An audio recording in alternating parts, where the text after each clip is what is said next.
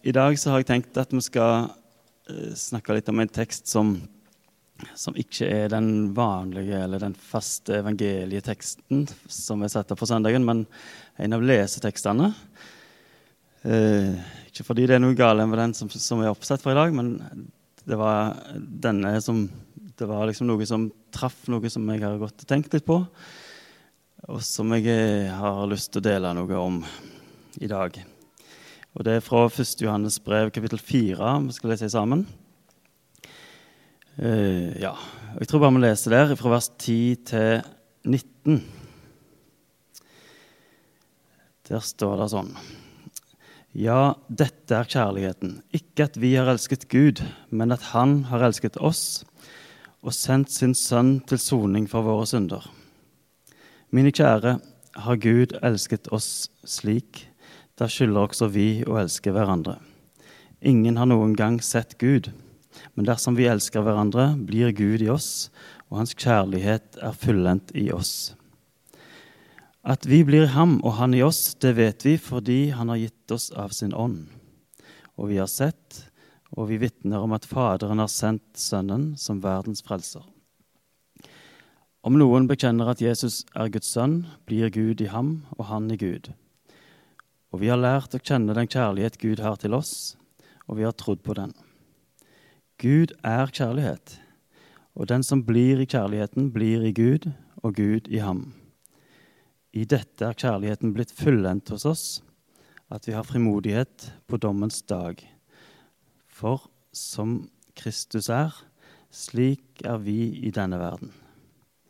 I kjærligheten finnes ikke frykt, den fullkomne kjærligheten driver frykten ut, for frykten bærer straffen i seg, og den som frykter, er ikke blitt fullendt i kjærligheten. Vi elsker fordi Han elsket oss først.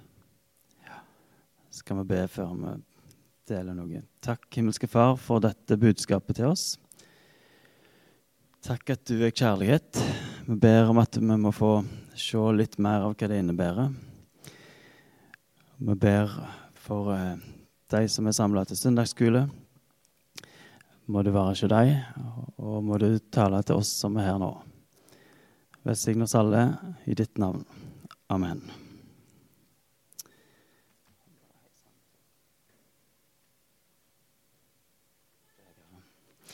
Ja, dette temaet er jo om kjærligheten, og det handler både om Guds kjærlighet til oss og vår kjærlighet og jeg har tenkt at dette temaet dette er noe som jeg har forstått. Jeg, jeg bare, det bare slo meg at dette kan jeg, på en måte. Mens når jeg, eh, når jeg leser om det, og når jeg tenker mer på det og går litt inn i det, så forstår jeg at dette er noe som jeg har forstått lite av, egentlig. Um, og i dette temaet er det, det er noe som er så rikt å ta inn over seg. Og så står det her at dette kan endre livet mitt hvis jeg tar det inn over meg, og hvis jeg trenger dypere inn i det. Her er det løfter om, eh, om kjærligheten. Det er løfter om hva den kan gjøre med livet vårt. Det er løfter om et rikt liv. Det er løfter om ei fullkommen glede. Om frimodighet som vi kan få, om eh, frukter som skal komme av vårt liv hvis vi blir i hans kjærlighet. Og da tenker jeg dette må jeg eh, forstå mer av. Dette må jeg trenge inn i, og dette må jeg la prege livet mitt. Denne teksten er fra Johan, 1. Johannes brev, og hele det brevet handler jo mye om Guds kjærlighet og om vår kjærlighet egentlig som et svar på Guds kjærlighet.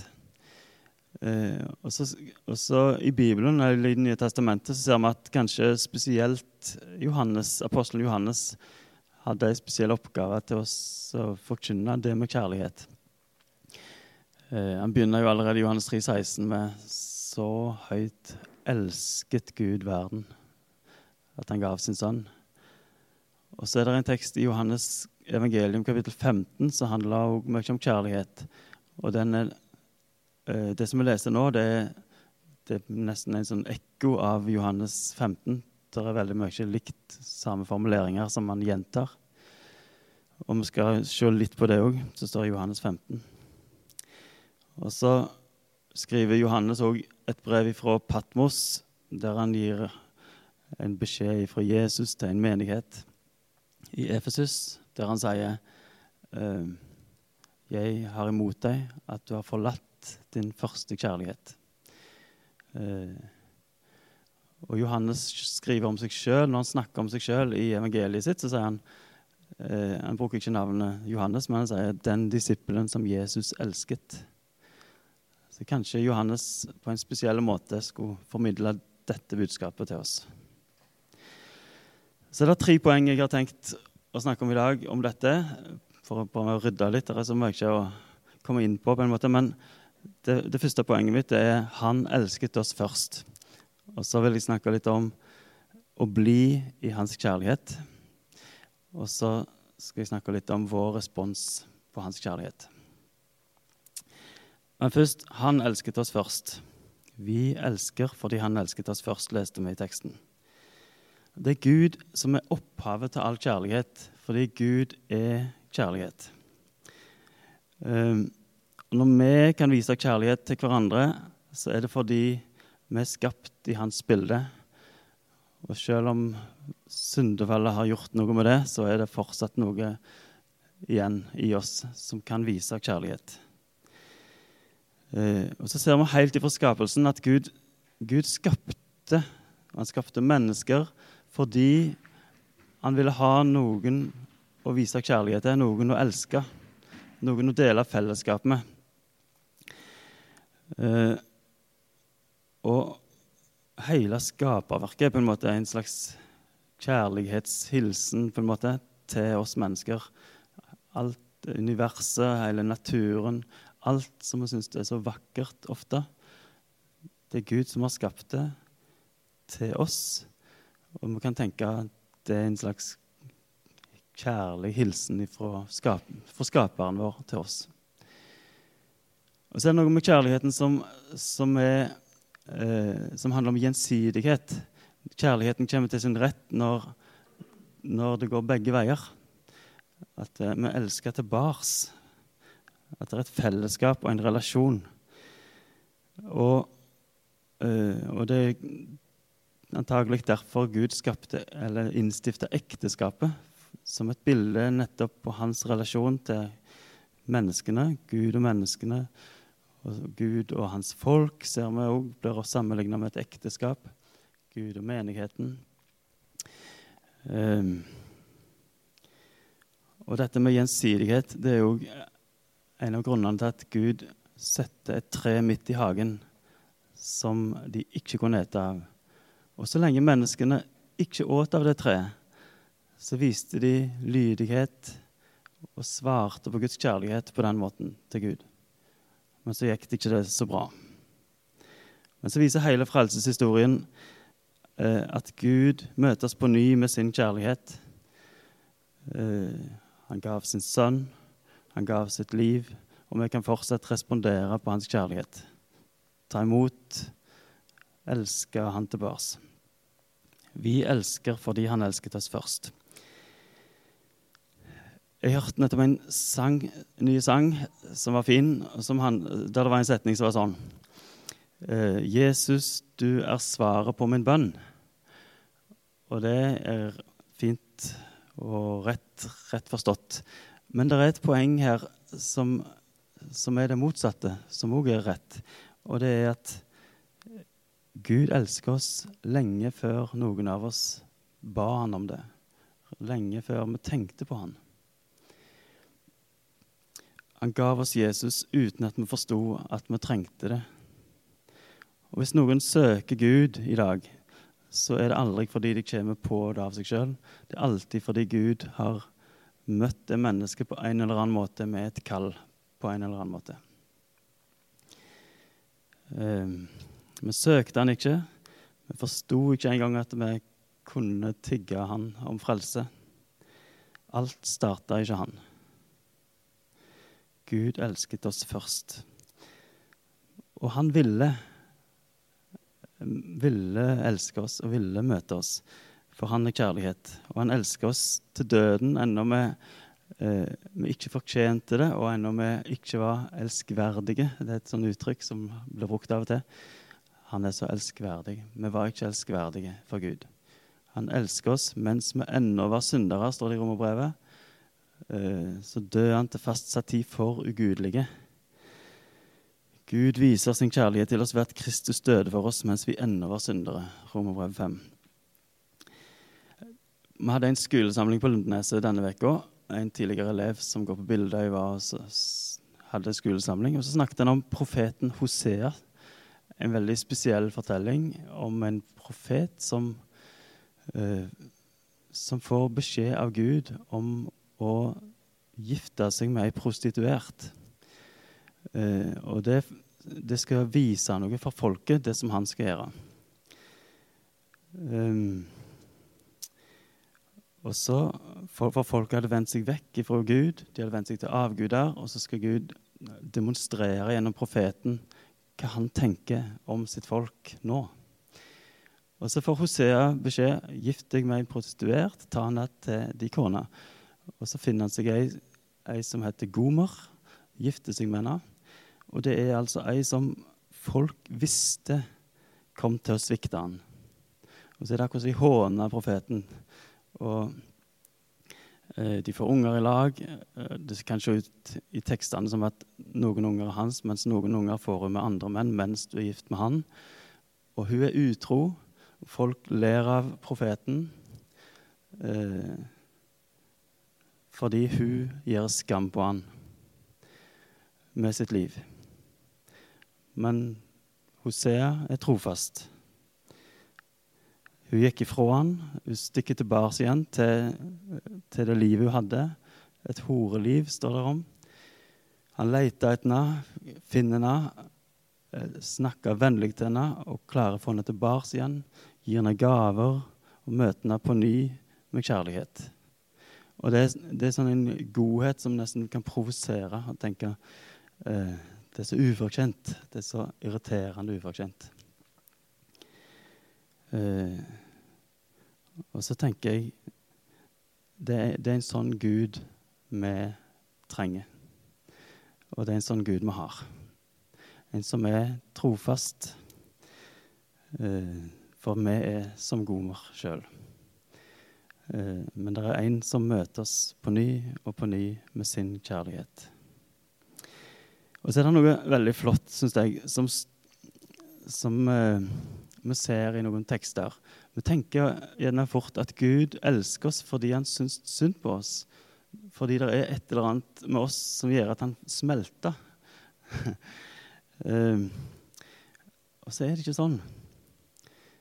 Sannheten er mye bedre enn det. For uh, vi kan se i et par tekster, f.eks. i Jesaja 43, så sier så sier profeten på Guds vegne Du plaget meg bare med dine synder og slet meg ut med dine ugjerninger. Jeg, jeg er den som utsletter dine lovbrudd for min skyld, og dine synder minnes jeg ikke. Her står det at han utsletter våre synder for si skyld. Ikke fordi han syntes synd på oss, eller at det var et eller annet som, eh, som gjorde at han falt for oss, eller et eller annet.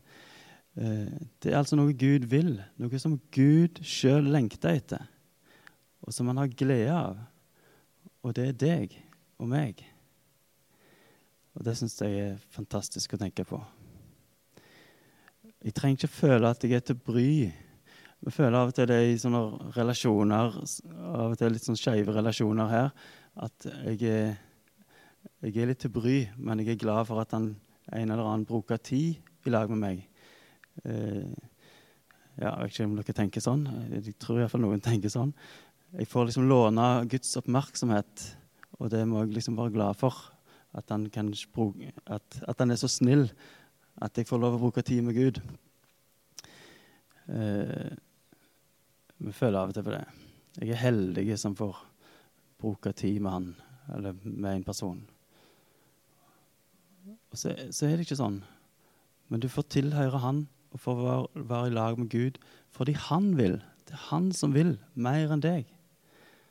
Det er ingenting han heller vil. For min skyld, sier han at han gjorde det. Bare la det synke inn.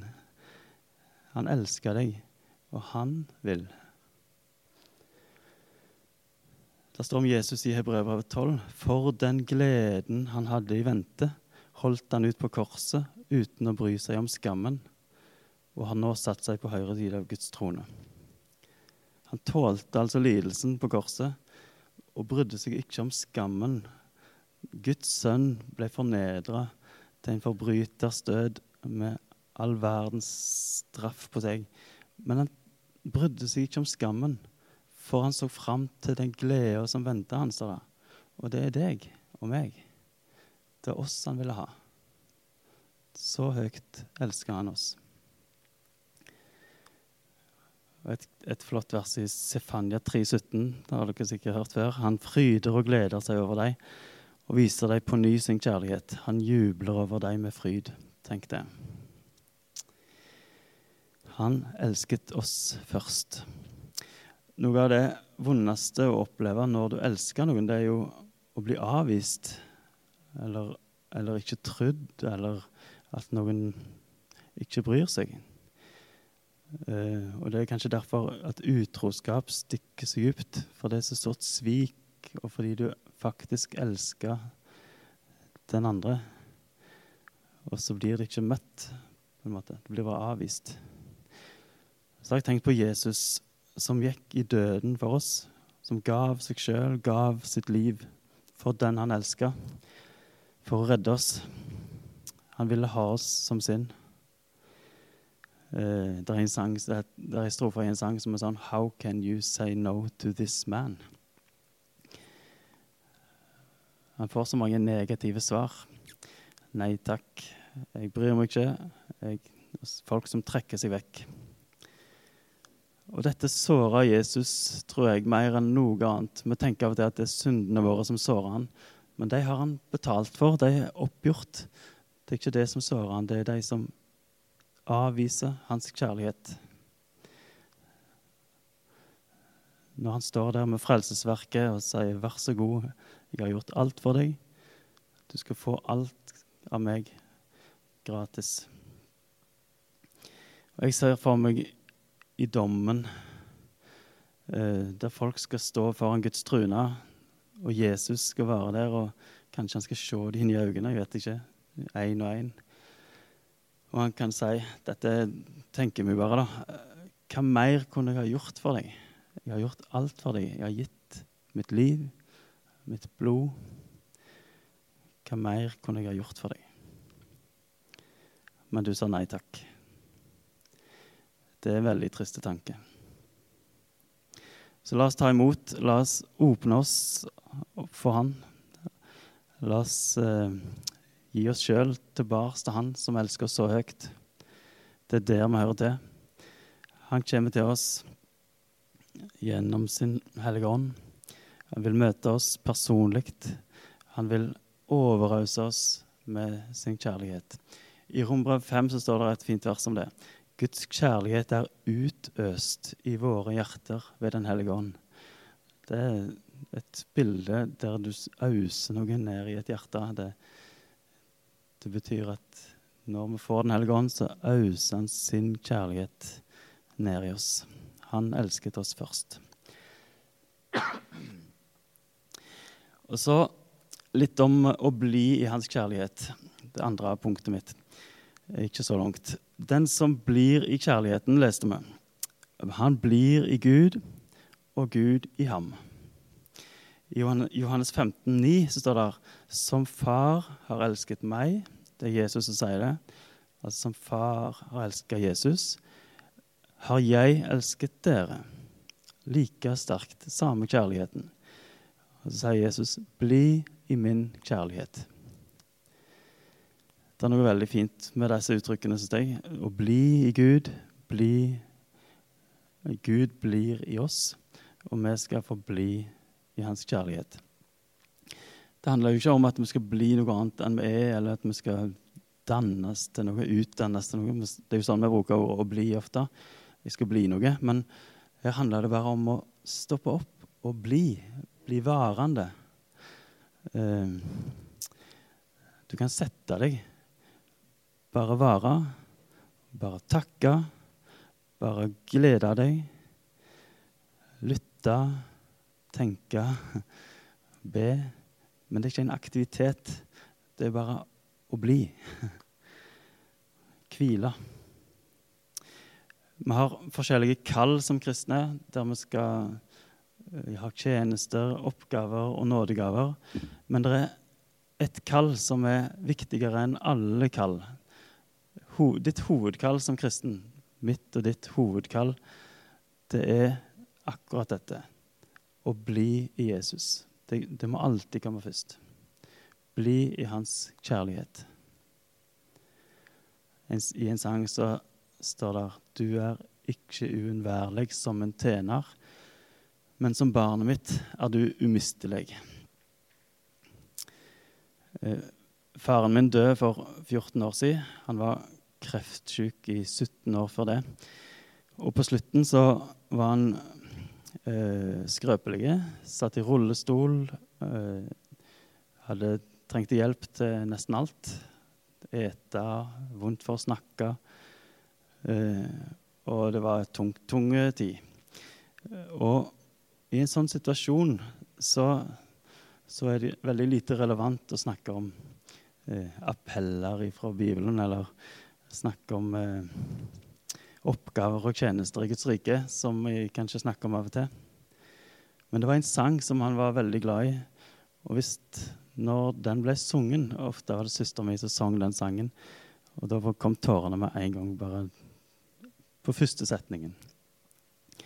Og den sangen begynner sånn Å bare få lov til å være et barn som er elsket av deg. Ja, det trenger vi alle. For vi, vi er alle hjelpeløse når det kommer til stykket. Eh, og har lite å komme med. Så vi trenger alle å bare sette oss ned og ta imot det. Og bare få lov til å være et barn som er elsket av deg. Som far har elsket meg, sier Jesus, har jeg elsket dere. Bli i min kjærlighet. Og så sier disse tekstene at dette er veien til frimodighet, til ei fullkommen glede. Og det er dette som gjør at vi kan bære frukt for Han.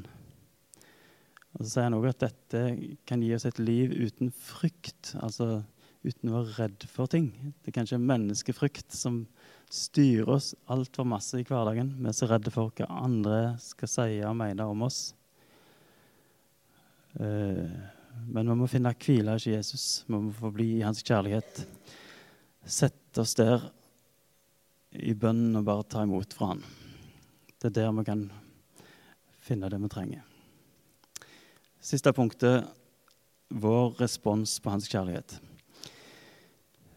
Dette syns jeg er vanskeligere å snakke om, eller krevende å snakke om. Og det, det er for han har utøst sin kjærlighet i våre hjerter ved Den hellige ånd. Vi har åpnet oss, vi har tatt imot. Og den naturlige responsen da er jo at vi gir oss sjøl tilbake til Han. At vi bærer frukt for Han. I Galaterbrev 5 så står det åndens frukt er kjærlighet, glede, fred, langmodighet osv. Kjærlighet kommer først av alle de fruktene. Men så lever vi i en verden eller i en kultur der ordet kjærlighet blir brukt på en helt annen måte enn i Bibelen. Ofte ser det ut som at kjærlighet først og fremst er en følelse eller en stemning. Eller òg at det ser ut som at de, folk tenker at kjærlighet er det samme som en tiltrekning til et annet menneske. Eh, det kan jo være en del av det, men noe som bare kommer og går, og som poff, så er det vekk igjen. Eh, kjærlighet og det å elske handler ofte i vår tid om å dyrke egoismen. Det handler ofte om å tilfredsstille egne behov og lyster og alt det jeg sjøl vil ha. Og det er så misforstått, og det er så trist. Eh, At noe, noe, av det fineste som Gud har skapt, blir så forvrengt. Og da tenker jeg at da skulle vi som kristne, eh, vi som har fått tatt imot den fullkomne kjærligheten, vi skulle være veivisere, eller vi skulle være vitner som forteller om en annen fortelling. Eh, som bærer frukt, som kan reflektere den sanne, gode kjærligheten. Og at vi lever liv som viser den. Kjærligheten som ikke søker sitt eget, som det står i 1. Korinterbrev. Eh, kjærligheten som er tålmodig, om viljen til å vise godhet i gode og vonde dager. Om viljen til å ofre. Om at kjærlighet handler også om lydighet. Det handler om underordning på en god måte. Det handler om å gi seg sjøl. Det handler om tålmodighet. Og så handler det ikke bare om gode følelser og gode ord. Det hjelper ikke med en god kjærlighetserklæring hvis det du gjør i praksis, slår i hjel ordene dine. I 1. Johannes 3, 18 står det mine barn, la, la oss elske ikke med tomme ord, men i gjerning og sannhet. Og det her jeg syns det er litt krevende, for jeg, jeg, vet at det er dette jeg vil. Eh, og jeg vet at jeg har fått et nytt liv og en ny ånd som sier ja til denne kjærligheten, og som, ja, som vil løfte den fram.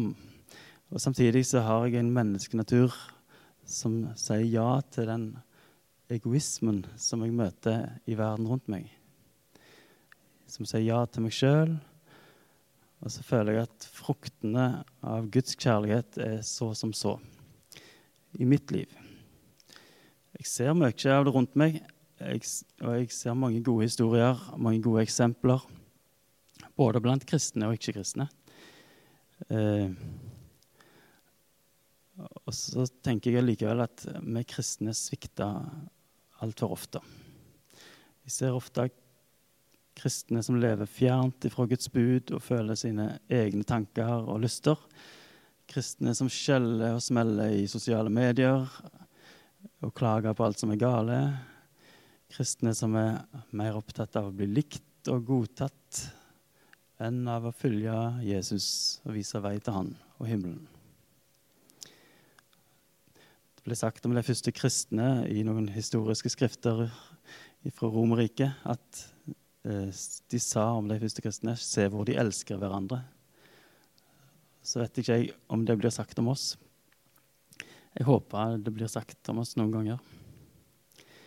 I 1. Johannes 5,3, altså rett etter den teksten som vi hadde, så står det et merkelig vers. Det står Å elske Gud er å holde Hans bud, og Hans bud er ikke tunge. Høres ut som en motsetning. Bli i Jesu kjærlighet og følge hans bud, eller holde hans bud. Men her, her, er det ikke snakk om å fylle lovens krav for å bli frelst. For da er budene tunge, og ja, faktisk, de er umulige. Eh, men her er det snakk om å fylle hans bud som en respons på den kjærligheten som vi har fått fra han.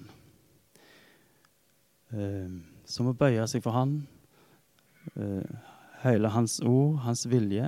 For den du elsker, han vil du høre på. Og til mer du elsker han, til mer vil du innrette livet til han. Eh, lytte til han. Ja Gi deg til han. Og det er det det handler om. La Hans ord få vise oss veien og kursen. Eh, og det er dette som er godt for oss. Eh, det er dette som gir oss glede. Men vi blir så ofte forblinda når vi lever i den kulturen som vi gjør. Så tror vi at, eh, at det er negativt eller nedtrykkende å følge Guds bud. Men det er det gamle mennesket i oss som tenker sånn. Det må vi alltid huske. Eh, og det tror jeg vi ser på vondskapen rundt oss. Det er så mye som skjer. Vonde relasjoner, konflikter all slags, all slags vondt. Det egentlige problemet er at vi lever i opprør mot Guds vilje. Eh, det er derfor vi har det vondt. Hvis vi blir i Hans kjærlighet og får bære frukt, så vil vi få et nytt liv. Og det er det som er, det er, det som er spørsmålet for meg. da. Hvordan kan vi reflektere Guds kjærlighet i møte med våre medmennesker? I Johannes 15 sier Jesus, 'Uten meg kan dere ingenting gjøre.' Bli i meg, bli i min kjærlighet. Og Da kan vi elske Gud og nesten vår som oss sjøl, som er et gammelt bud. Og det, det trenger vi. Jeg vil slutte med en, eh, en, fortelling som jeg har snakket om ofte. Bare helt kort ifra Peter. Jeg kjenner meg godt igjen i Peter, som hadde så stor tro på seg sjøl, men som svikta så grundig. Og så møtte Jesus etter Jesu oppstandelse, og Jesus spør han dette, dette spørsmålet som sikkert Peter helst ikke ville fått. Jeg vet ikke. Elsker du meg? Eh, og Jesus spør det til oss òg i dag. Elsker du meg? Eh, han har akkurat stått opp ifra det døde etter at han har gitt sitt liv, etter han har gått gjennom det som han har gått gjennom. Vist sin kjærlighet så tydelig som bare går an. Mens Peter samtidig har gått på en stor smell. Så står Jesus i lag med Peter og sier han, 'Elsker du meg?' Um, og Peter, hva skal han si? Han svarer, 'Ja, Herre, du vet at jeg har deg kjær'. Han bruker et litt svakere uttrykk enn det Jesus bruker når Jesus 'elsker'. Så sier han, 'Jeg har deg kjær'. Og Det er for han har lært seg sjøl å kjenne og våga ikke ta så sterke ord i sin munn. Han hadde jo brukt altfor store ord for ikke mange dager siden. Og så får han et oppdrag fra Jesus, selv om han har svikta. Han får tre oppdrag. Fø mine lam, vokt mine får, fø mine får. Eller sauer. Og Siste gangen spør Jesus han, og så svarer han, Herre, du vet alt. Du vet at jeg har deg kjær. Og Jesus tok han inn, brukte han som en stor mann i sitt rike. Selv om han hadde svikta, og han svikta sikkert igjen. Og Det kan gi oss frimodighet òg. Vi skal få komme til Jesus og si, si, det samme som Peter. Du vet alt. Du vet at jeg har deg kjær. Så skal vi få bli i Han, leve åpent i lag med Han, fortelle alt til Han. Eh, han elsker oss først. Han frelste oss og kjøpte oss fri for si skyld. For å oppnå den gleda som han syns det er å være i lag med deg. Så skal han få bli i hans kjærlighet og la den få forvandle oss innenfra. Så skal vi be. Takker Jesus for din store kjærlighet. Hjelp oss til å forstå mer av hva det betyr, og hjelp oss til å bli i den, hvile oss i den og ta den til oss. Og vi ber om at vi må få bedre frukt for deg. La den få prege livene våre. Ikke bare med ord og ikke bare følelser, men i handling. Velsign oss, vær med oss alle sammen. I ditt navn. Amen.